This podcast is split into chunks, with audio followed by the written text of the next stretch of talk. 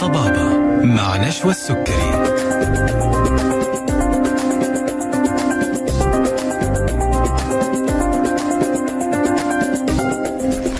السلام عليكم ورحمة الله تعالى وبركاته. حياكم الله مستمعينا الأعزاء. مستمعي ألف ألف أف أم الموجة السعودية وأهلا وسهلا فيكم في حلقة جديدة من برنامج طبابة. أنا أصحابكم لمدة ساعة ابتداء من الآن وإلى الساعة 2 بعد الظهر في موضوع طبي جديد وحوار طبي مباشر مع ضيف من ضيوفنا المميزين اللي دائما بنستضيفهم في برنامج طبابة.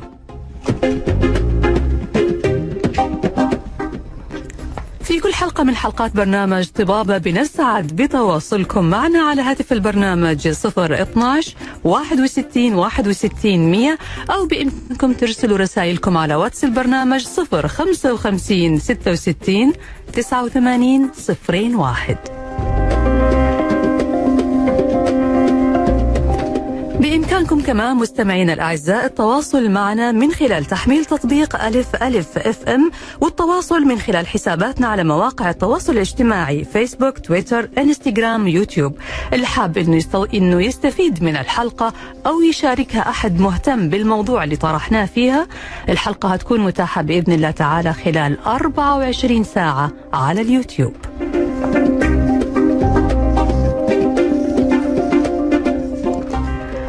موضوعنا اليوم عن عبارة ضمان مدى الحياة هذه العبارة لما تكون في مجال خدمات طب الأسنان وتحديدا في مجال التركيبات عبارة ممكن نفهمها بشكل مختلف وبالتالي راح نتعامل مع أسناننا مع أسناننا بشكل بيعتمد على أنه هذه التركيبات هتستمر مدى الحياة لأنه ضمان مدى الحياة هل هذه العبارة صحيحة؟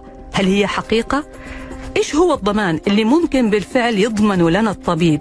وإيش المطلوب منا إحنا كمرضى علشان نضمن استمرارية النتيجة بنفس الجودة ونفس الكفاءة؟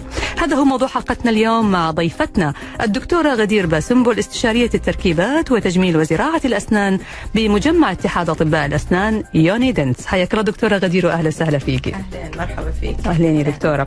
صراحة دكتورة إحنا بنتعامل مع أسناننا بشكل قاسي جدا مع إنه هي عضو مهم جدا. في جسمنا يعني.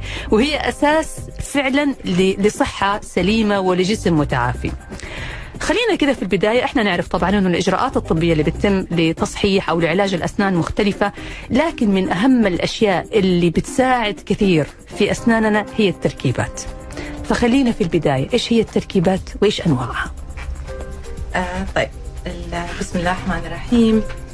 التركيبات أصلا علم صنع من أجل إعادة تأهيل الفم عشان يقوم بكل الوظائف اللي هو المفروض يقوم فيها. تمام. فطبعا تندرج تحتها أشياء كثير. مم.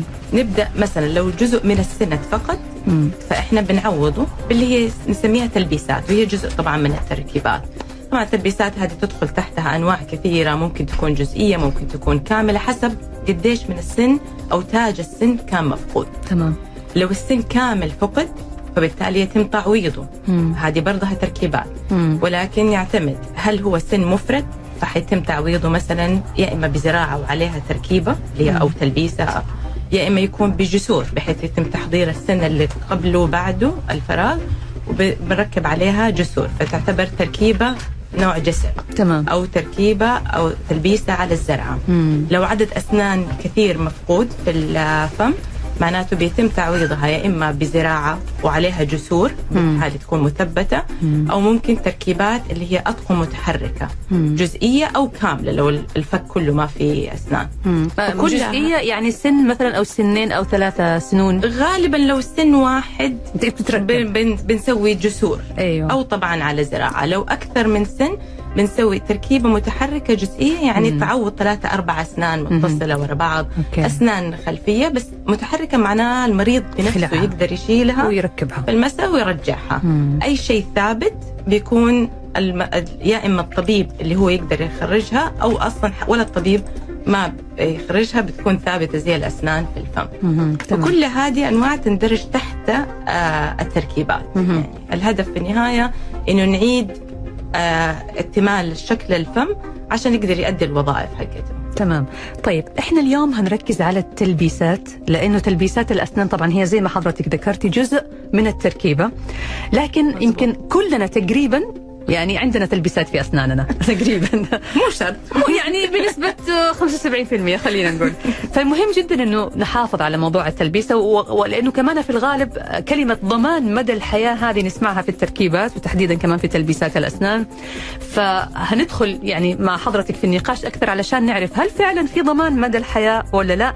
بس خلينا الآن نتكلم عن التلبيسة. إيش هي التلبيسة تحديدا ومتى يحتاجها الإنسان؟ طيب متى نحتاجها؟ آه، في شقين في شيء مرة واضح. آه، لو الضروس حقت في الفم أو الضواحك اللي هي الطواحن. آه، يعني مو الأسنان الأمامية. تم فيها علاج عصب معناته لازم تتغطى. تلبيس جزئي تلبيس كامل يعتمد على قديش في جزء من تاج السن موجود. مم. الهدف من هذا إنه ال- العلاج العصب معناته سحب العصب من لب السن. مم. اللب هو كمان فيه الشعيرات الدموية الدموية وكل الحياة موجودة. فخلص هذا كلها اتشالت. مم. اتنظفت وصار تجويف فراغ يعبى بمادة خام ما تتفاعل مع أي حاجة. تمام. طبعا كون الشعيرات الدموية راحت معناته صار ما في موية ما في حياة. مم. ولا في أي تدفق لل... للدم ولا الماء في السن. فبتصير كتلة كالسيوم. نوع- لون السن بيتغير. لون السن بيتغير لأنه خلاص بت بت كتلة كده من الأملاح والكالسيوم موجودة. مم. مم. آه لا سمح الله مع أي وظيفة عادية مضغة أكل وش شيء طبيعي إنه إحنا بنسويه ممكن يروح الكالسيوم هذا ينكسر زي كاس القزاز. سبحان الله. على طول فبالتالي أي ضروس خلفية أو ضواحك يتم فيها علاج عصب أغلب الدراسات بتقول المحافظه عليها إنه هي لازم تتغطى أو تتلبس يعني هو التلبيسة هذه عبارة عن شيء زي كفر غطاء Cover. بيتركب على السن الموجود فعليا لحمايته من إنه ينكسر أو إذا كان اللون مثلا أو صار مختلف فبرضه علشان نحافظ على تجميل التجميل إيه،. تمام تمام ال- الشق الجراي طبعا اللي هو إذا في جزء من السن مفقود آه ده في جزء آه. انكسر من السن جزء انكسر أو تسو... تسوس مثلا مم. هذا في النهاية في جزء من السن مفقود بأي تمام. طريقة سواء تمام. احتكاك كسر مم. تروما آه، تسوس طبعا المبدأ الأول إن إحنا نسوي حشوة للسن مم. لكن إذا كان في أكثر من 50% نقول من تاج السن اللي هو الجزء الظاهر في الفم اتفقد مم. آه يعت... غالبا الحشوة ما حتكفي إنه هي تدعم السن وتبنيه من جديد مم. فبالتالي نحتاج تلبيس أو تغطية للسن يعتمد الج... آه، فين ال- الكسر أو فين الجزء المفقود. ما يكون في ناحية واحدة ما يكون ناحية عنق السن. ففي معايير أخرى أكثر تشخيصية عشان نحدد إذا السن يتلبس أو لا. خلاص السن تماما ما آه، يصلح. ولكن إذا أكثر خلينا نقول 50% من تاج السن غير موجود الحشوة لوحدها ما تقدر تكفي إنه هو تدعم وتبني. تمام. فنضطر انه إحنا نغطيه ونلبسه. جميل. حضرتك ذكرت نقطة مهمة إنه إذا كان 50% مفقود أو أقل من 50% مفقود في الحالة هذه نلجأ إلى التلبيسة. وهذا بيخلينا نطرح السؤال طب متى نلجأ إلى الخلع أو متى يقرر الطبيب خلع السن السن ومتى نبنيه؟ لكن بعد ما نطلع فاصل قصير نرجع بعده نكمل حوارنا.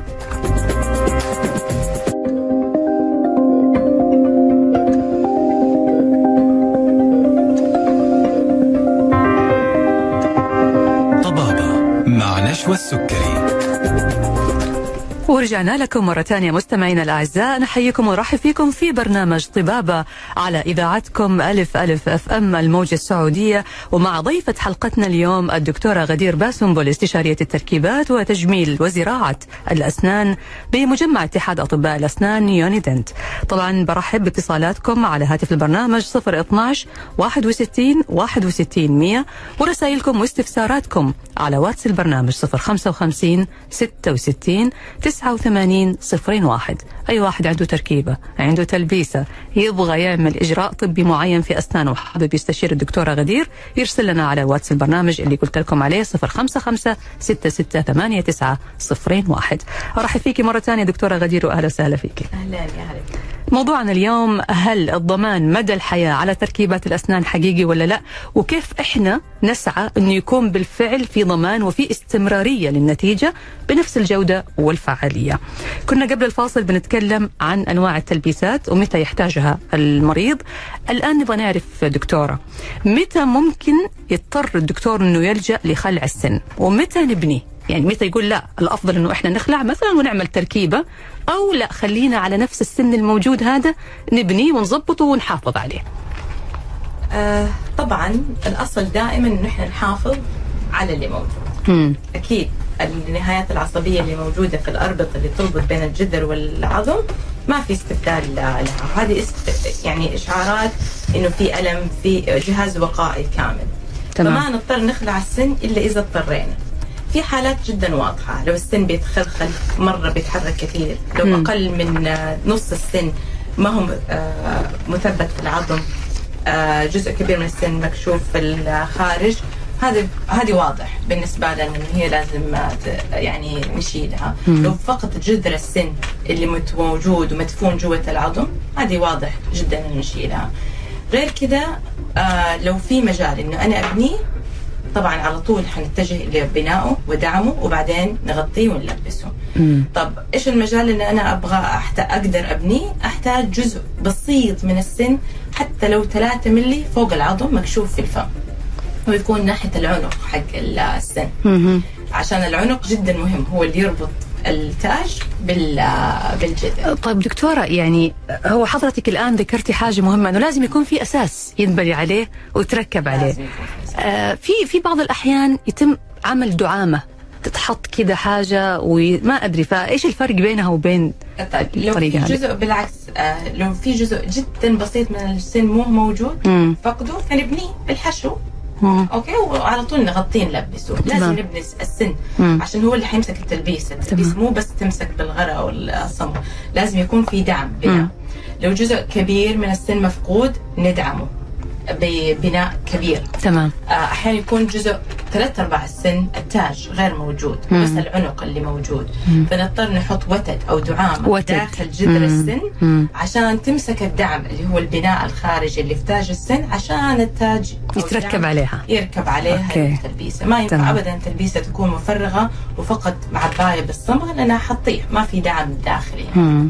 تمام طبعا كمان تدخل عوامل أخرى يعني مو بس يكون في عنق 3 ملي 2 ملي موقع السن في الفم هل هو ضرس هل هو ضواحك توزيعها. آه مثلا لو بس سنين موجودين في الفك أنا ما يلزموني بالعكس حيصعبوا علينا ال- العلاج آه عمر المريض آه، مدى ال- ال- الحالة الصحية هل حيقدر يعوضها.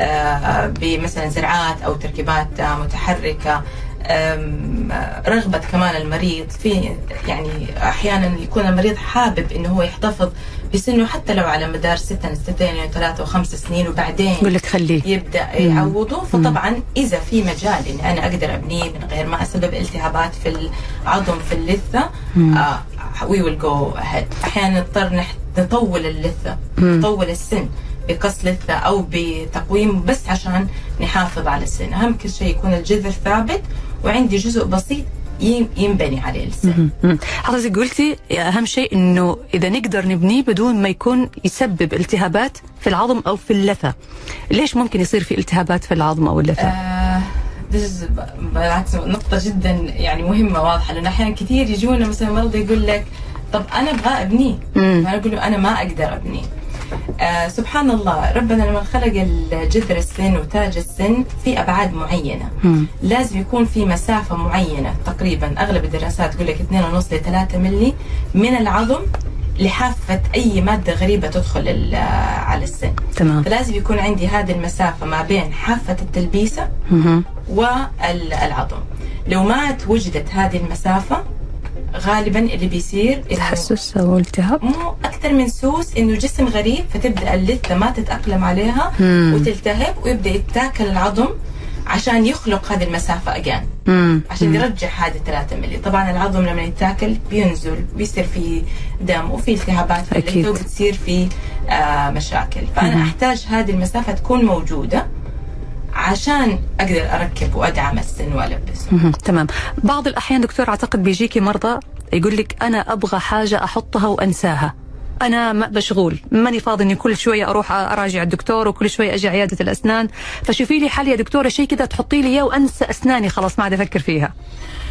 آه هذا الأصل أصلا لما تجوا لما يجي المريض عشان يسوي علاج أسنان المفروض إنه إحنا نعالجه مو عشان يروح ويرجع. المفروض إنه إحنا نعالجه بحيث إنه يتحط كل شيء بالمعايير الصحيحة. وهذا هو المضبوط إذا تم العلاج أو تركيب الأسنان والتلبيس على الأسنان بالمعايير الصحيحة المدروسة علميا آه حيتنسى تمام. بعد كده حيتنسى. طبعا المتابعة الدورية ضرورية لتنظيف الأسنان سواء في تلبيسات أو ما في تلبيسات. طبعا بوجود التركيبات والتلبيسات الاهتمام يزيد. النظافة والتعليمات اللي إحنا نتبعها على أسناننا لازم نتبعها كمان مع التركيبات عشان تستمر. مم. ولكن المفروض بعد ما نركب التلبيسات إذا تم كل شيء تمام ما يحس في فرق بينها وبين أسنانه ابدا. خلاص تأدي الوظائف الكلام مخارج الحروف ما تتغير آه، المضغ الأكل آه، كلها ما فرق بينها وبين أسنان الطبيعية. جميل. بس بالنسبة للنتيجة اللي ممكن آه، تستمر لفترة أطول يعني حضرتك قلت أحيانا ممكن يكون القرار الخلع هو القرار المناسب لأنه التلبيسة ما تناسبه. في هذه الحالة لو قررنا أنه نروح في اتجاه خلع السن وتعويضه مثلا بالزراعة في الحالة هذه هل النتيجة بتكون مستمرة أكثر؟ هل بيكون في ضمان أكثر على أن النتيجة تكون لها فترة طويلة؟ يعني بتأدي دورها ووظيفتها أكثر من التلبيسة؟ آه خلينا نقول إنه it's gray area إذا كان جزء كبير من السن موجود لا طبعا التلبيس حيكون على مدى أفضل. الأطول أفضل. ليش؟ لأنه النهايات العصبية موجودة. فالجهاز الوقائي والعصبي شغال 100 100 فحيكون everything is fine. لكن لا سمح الله إذا إحنا حنضطر نشيل جزء من العظم أو حنكون يعني السن أصلا كومبرومايز وأنا آه، حلبسه. آه، فممكن ممكن في بعض الحالات يكون تعويضه بالزراعة أفضل على المدى ال- البعيد بعيد. وعلى الفترة الطويلة. طبعا في كل الأحوال لازم المريض يحافظ على التعليمات والمراجعة الدورية وال ونظافة الفم. فالتشخيص أهم. التشخيص أهم نقطة في تحديد الم- المدى العمر الافتراضي لأي آه، إجراء بيقوم في الأسنان. تمام. طبعا في أنواع مختلفة من التلبيسات تعتمد على المواد والتغطية. هنعرف تفاصيل أكثر عن أنواع تلبيسات الأسنان لكن بعد ما نطلع فاصل ونرجع بعد ونكمل حلقتنا وطبعا بذكركم إنه بإمكانكم التواصل معنا على واتس البرنامج 055 66 89 01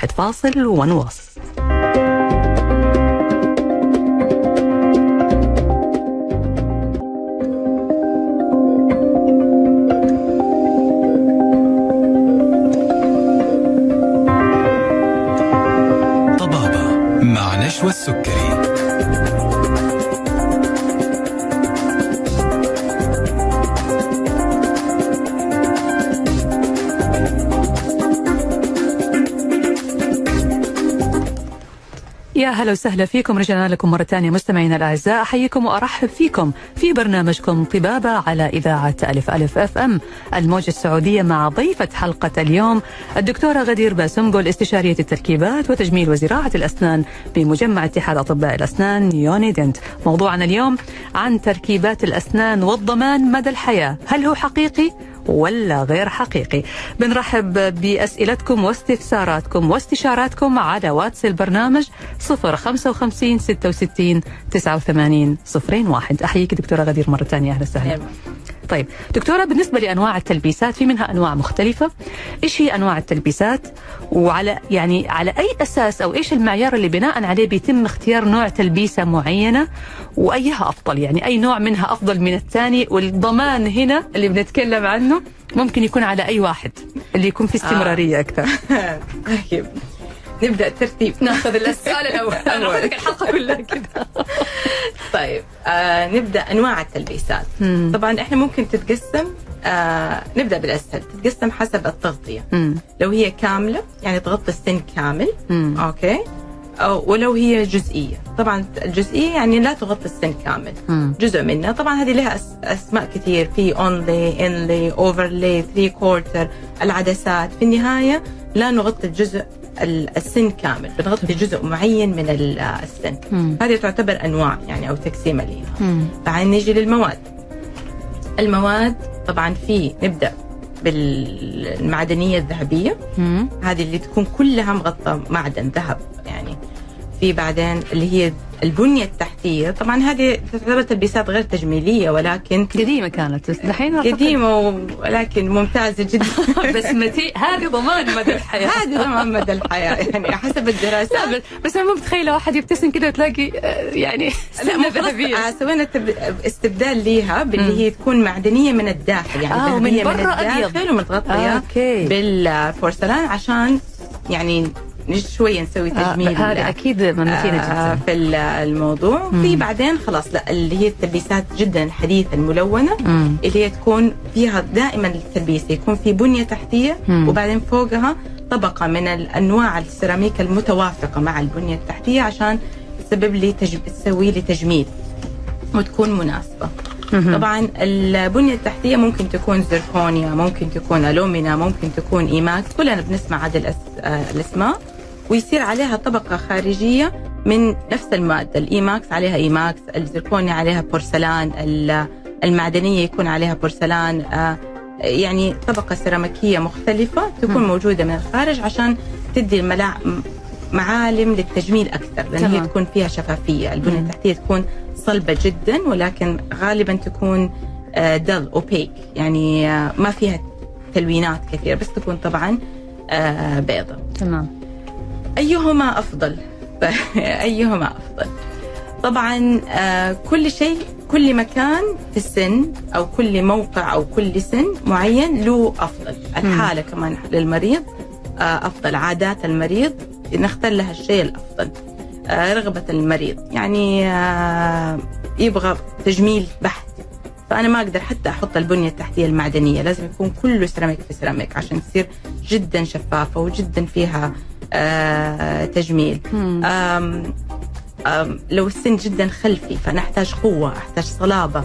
آم كل التلبيسات التجميلية السيراميكية لازم لما أ- أ- ألصقها بغرة لازم يكون في عزل تام ما يكون في لعاب.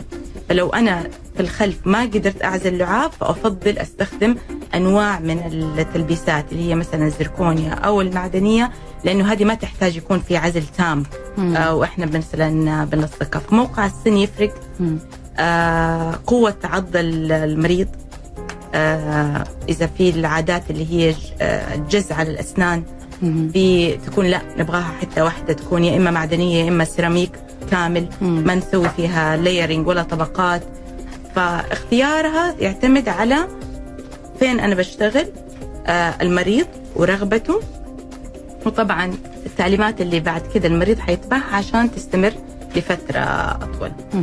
لو نرجع أيهما أفضل حقدر أقول إنه المعدنية آه سواء بنية تحتية أو الخارجية آه ما بيصير فيها آه التسريب أبدا مم. تقريبا مم. تقريبا وبالتالي الدراسات بتقول 15 سنة و25 سنة فما فوق إذا المريض اتبع كل التعليمات بتعيش وبتقعد ما شاء الله ممتاز وممكن تقعد أكثر مم. يعني هو مو شرط إنه هي تتغير بعد 10 سنين أو 15 سنة و25 لكن ممكن تقعد أكثر مم. بالنسبة للتلبيسات الحديثة اللي هي بتعتمد على البوندينج وبت- أو السيراميك أغلب الدراسات بتقول لك عشر سنين إذا التزم كل المريض آه، بكل التعليمات اللي فيها ما عدا العدسات اللاصقة اللي هي التجميلية لأنه بنغطي جزء فقط بسيط من السن سبع سنين للأسنان العلوية ثلاث سنين أو خمس سنين للأسنان السفلية عشان الدعم اللي موجود من تحتها يعني. يعني ما في شيء دائم آه أنا رجع أقول لا يعني إنه أنا بعدها حغيرها مم. أوكي لكن ممكن أحافظ عليها أيوه رح أتحافظ عليها في في شيء دائم إنه لون التلبيسات ما يتغير مم.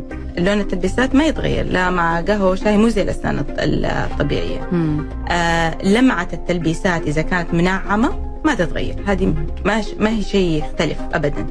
آه، إلا إذا طبعا في بعض الأحيان بنصبغها بنلونها عشان تتوائم مع الأسنان اللي بجوارها مم. أو بنحط ملمعات زيادة هذه في ستة شهور سنة تروح ولكن التنعيم ما يتغير اللون ما يتغير آه إذا حافظ الإنسان على نظافة الفم زي ما قبل ما نحط تلبيسات والتزم وما صار فيه سوس حتستمر ساعتها معانا. آه، إذا صارت بالمعايير الدقيقة آه، البرد آه، ال- ال- كمية البرد مم. كمية الدعم حق السن نظافة الفم الدورية كل ست شهور كل سنة حسب ما الدكتور آه، يحدد حتستمر.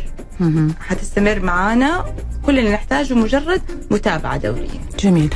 بعض الناس يقلق لما يسمع كلمة هنضطر نبرد السن علشان نحط عليه تركيبة وفي أو, أو تلبيسة. وفي يعني معتقد شائع أنه برد السن معناه أنه أنا راح أدمر السن وأضعفه حتى لو حطيت عليه التلبيسة. هنعرف هذه النقطة تحديدا بتفصيل أكثر لكن بعد ما نطلع فاصل نرجع بعد ونكمل حلقتنا.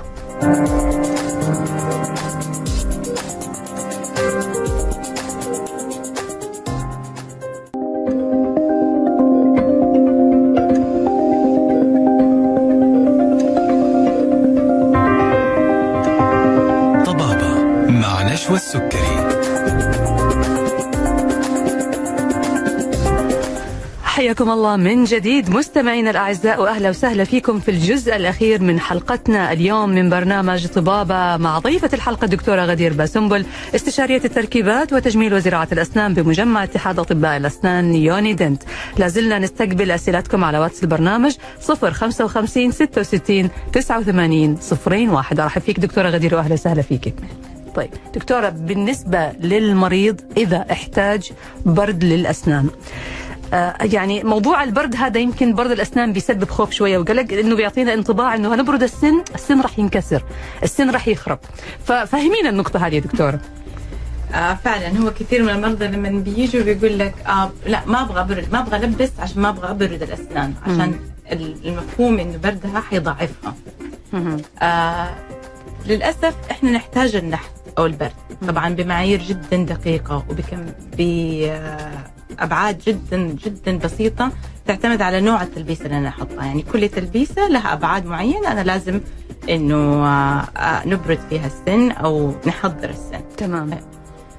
ضروري جدا ليش؟ لأنه آه سبحان الله كل سن له شكل معين وأبعاد معينة وتجانسه مع السن اللي قبله والسن اللي بعده واللي فوقه واللي قدامه. حركة الفك تصير بطريقة جدا متجانسة ومتفقة. مم. فما ينفع أنا أركب أو أغطي أكبر من حجم السن اللي كان موجود. إنها تكون بارزة لبرا. حتصير بارزة لبرا. إذا ما كانت بارزة لبرا كانت عالية. لما يطبق ال...